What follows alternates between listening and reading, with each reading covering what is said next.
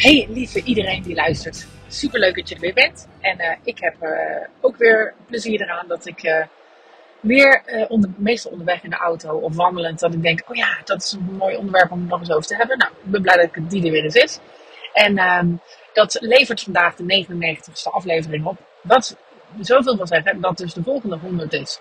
En bij de 100ste ga ik um, um, een hele gave podcastaflevering delen van Outcast.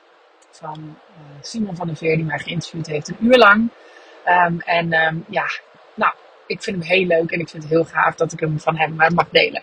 Dus uh, dat is bij de volgende. Maar vandaag gaat het over als, het, als je iets tegenkomt waar heel veel losse problemen aan de hand lijken te zijn. Heel veel dingetjes. Dat het eigenlijk te veel is om voor één persoon aan de hand te kunnen zijn. Dan is dat vaak ook zo.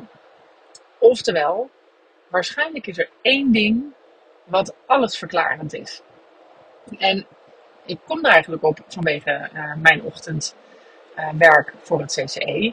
Dat is het Centrum voor Consultatie en Expertise. En um, die, daar, daar doe ik consultwerk zeg maar, in de zorg. Um, in complexe, vastgelopen zorg. Dus waar mensen niet meer goed weten wat moeten we dan nou mee met, uh, met wat er aan de hand is.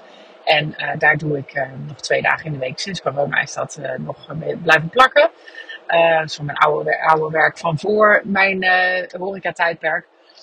En um, dat ging, dat, we hadden een gesprek over een jonge dame die eigenlijk al door allerlei medici, door allerlei psychi psychiatrische um, ja, hulpverleners is gezien, maar ook medici van het uh, van, van allerlei specialistische ziekenhuizen. Ik wou de naam zeggen, maar dat is niet zo gepast.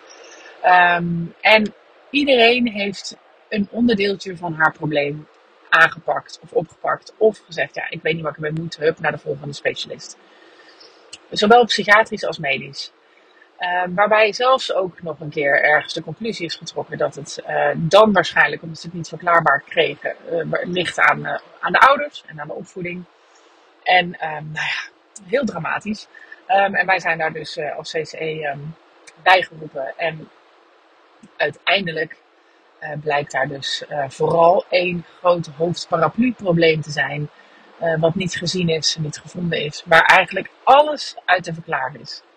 En de kunst is, maar dan heb ik het even over het zorgdeel. De kunst is natuurlijk om te bedenken, ja, als, als allemaal, allemaal losse symptoompjes, losse klachten, losse gedoetjes, losse grotere en kleinere problemen um, niet verklaarbaar zijn, ga dan niet zo zoeken naar, oké, hoe ga ik dit symptoom behandelen? Ga dan zoeken naar, wat is het grotere probleem wat dit alles verklaart? En een heel gave serie overigens, het komt me nou even in op, is House. Uh, ik vind hem heel erg leuk en Willem ook. um, is ook weer een zorg, uh, uh, zorgmedisch verhaal natuurlijk. Maar daar komen altijd vastgelopen medische vraagstukken bij het team van House. En uh, die gaat dan ook zoeken naar wat kan nou alles verklaren. Maar goed, dit hele concept van ga niet in op alle symptoompjes, uh, groot of klein. Ga zoeken naar de grote gemene deler. Dus hetgene wat het allemaal verklaart. En dan heb je de kern te pakken van waar je mee aan de slag kan. En dat is eigenlijk een beetje hetzelfde als zoeken naar um, de theorie van de, van de ijsberg bijvoorbeeld. Hè, dus uh, bovenaan het water zie je maar een heel klein puntje van de ijsberg. En onder het water is een heel groot gedeelte van de ijsberg. Um, de triple C-methodiek ook weer uit de zorg overigens werkt er natuurlijk ook mee dat je heel veel dingen die onder de waterlijn zijn, die je niet ziet. Hè, dus uh, iemands geschiedenis, iemands um, uh, levenservaring, iemands hoeveelheid van afwijzingen of teleurstellingen die hij heeft opgelopen, iemands diagnose, iemands um, leefsituatie, iemands ritme van de dag. Allemaal dingen die je niet ziet, die onder de waterlijn zitten, die wel iemand beïnvloeden. Levert gedrag op wat je boven de waterlijn ziet. En daar kom ik uh, op de uh, vergelijking ook met ons allemaal, maar zeker ook uh, jij als werkgever slash leidinggevende. Is dat je dus um, boven de waterlijn van alles ziet. Er is van alles gaande. Maar de kunst is dan niet om daarop in te gaan, maar om te zoeken naar wat er onder die waterlijn dus allemaal gaande is. Wat dus het grotere geheel is, wat het eigenlijk allemaal verklaart. En het kan enerzijds zijn dat je continu, um, dat er bijvoorbeeld uh, in een situatie uh, of in een, in een dienst altijd een paar kleine probleempjes ontstaan van iemand. Als het, nou- of het nou een horeca-avonddienst is, of in de zorg, of in, bij een collega. Dat er altijd allerlei ja, rooksignalen zijn. Dat er altijd wat gedoe is als die persoon bijvoorbeeld werkt. Of, of dat er altijd überhaupt gedoe is. Dan is het heel erg snel mijn navigatie kletsen doorheen. En dat is een beetje lastig, want die heb ik eigenlijk, dacht ik, uitgezet. Maar dat is dus niet zo. Um, dus ik weet niet of jij die hoorde, want het was in mijn oren.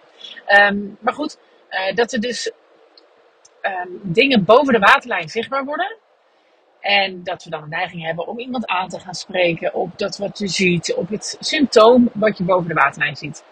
En als je nou, natuurlijk, prima is dat, hè, op het moment dat je één ding ziet toevallig van iemand en je denkt, oh god, dit valt me nou op. En uh, nou ja, hoe komt het dat je dat doet? Is trouwens wel zoeken naar de waterlijn als je het zo doet, naar onder de waterlijn. Um, maar dan vervolgens met elkaar daarover praten. Um, dat is natuurlijk op zich prima. Je hoeft helemaal niet altijd natuurlijk te zoeken naar allerlei grote issues die eronder liggen. Maar heel vaak is dat wel waar de oplossing ligt. Dus zeker als er meer dan één ding, één oppervlakkig ding is, ik zou je aanraden overigens altijd te doen. Maar altijd te vragen naar, goh, dit valt me op, dit zie ik. Of dit gebeurt er vaak als, ik, als, als je aan het werk bent. En, en wat maakt nou dat je voor, daarvoor kiest? Of wat, hoe, denk jij dat het komt dat dit, dat dit vaak gebeurt op het moment dat jij aan het werk bent? Of, nou, daarmee zoek je al gelijk een beetje die, hé, hey, wat zit erachter? Um, maar ik weet wel dat ook collega's en ook ik zelf heel vaak ook puzzelen met jeetje. Want ik, ik hoor dan vanuit die hoek, er is iets met het eten. Vanuit die hoek hoor ik, ja, um, ik, uh, ik ga weg. Hè? Dus er gaat iemand, uh, gaat iemand een ontslag. Uh, dan hoor je um, ineens klachten over hygiëne. Of dan is er een keer een controle van het een of het ander. En dan is dat aan de hand. Allemaal die losse vlodders. Bijvoorbeeld over een afdeling. En ik heb het nou bijvoorbeeld over een keuken. Eigenlijk moet er dan gelijk een alarmbel gaan rinkelen. Want allemaal losse symptoompjes, daar zit meer achter. Er zit gewoon, hè, waar roken is vuur, is natuurlijk een hele simpele uitleg ervan. Maar feitelijk komt hij ook weer op hetzelfde neer. Er is altijd, zit er iets achter hetgene wat jij boven de oppervlakte ziet. En zeker als je schijnbaar ongerelateerde symptoompjes van dingen boven de waterlijn ziet, um, maar die wel allemaal voor onrust en gedoe zorgen, Stop met daarop reageren.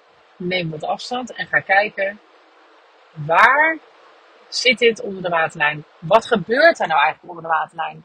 Gebeurt er in het team iets wat gewoon de hele tijd voor dezelfde symptomen daarboven de waterlijn zorgt? Of is er met één persoon iets aan de hand misschien, waardoor dit het verklaart? Maar er is een verklaring. Het is niet zomaar zo dat er honderd symptoompjes zijn. Het kan gewoon niet. En in het geval van dit meisje waar ik het net over heb, het kan gewoon niet zo zijn dat, um, dat niemand bedenkt, en dat gebeurde in dit geval al wel, maar dat niemand bedenkt dat er um, van al die verschillende specialisten die inmiddels betrokken waren, allemaal die verschillende eh, mentale en fysieke problemen, dat dat allemaal niet gerelateerde losse problemen zouden zijn.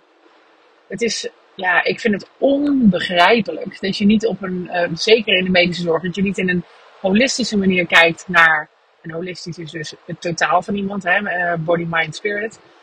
Naar iemand kijkt. Maar in alles, ook waar wij als werkgever.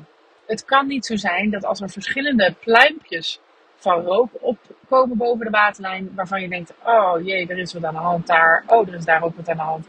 Oh, en dan gebeurt er hier dit.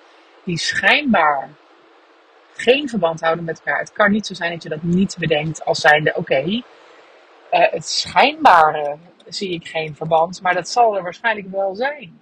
Want bijna altijd is het verband er namelijk wel. En waarom het zo belangrijk is, is als je het verband ziet of er naar op zoek gaat, dan kom je pas bij de kern van het probleem en dan kan je het probleem ook oplossen. Dan kom je werkelijk ergens. En anders ben je gewoon een beetje aan het reageren op negatief gedrag, of op negatieve symptomen, of op klachten van mensen, of op klachten van gasten. En uh, heb je enerzijds dus een veel te veel focus op het negatieve. En, uh, en dan wordt dat alleen maar groter. En anderzijds pak je het probleem wat eronder zit nooit aan. Dus schijnbaar ongerelateerde pluimrookjes van ellende. Zoek naar het verband. Want in 99% van de gevallen is er een verband.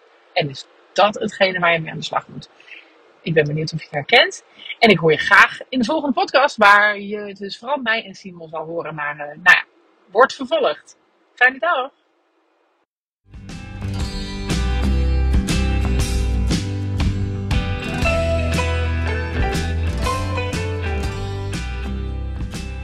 Lieve mensen, dat was hem weer.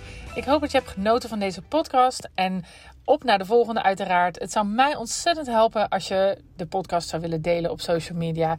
Zoek me op op Instagram en Facebook onder Juke Stellinga. Tot de volgende keer.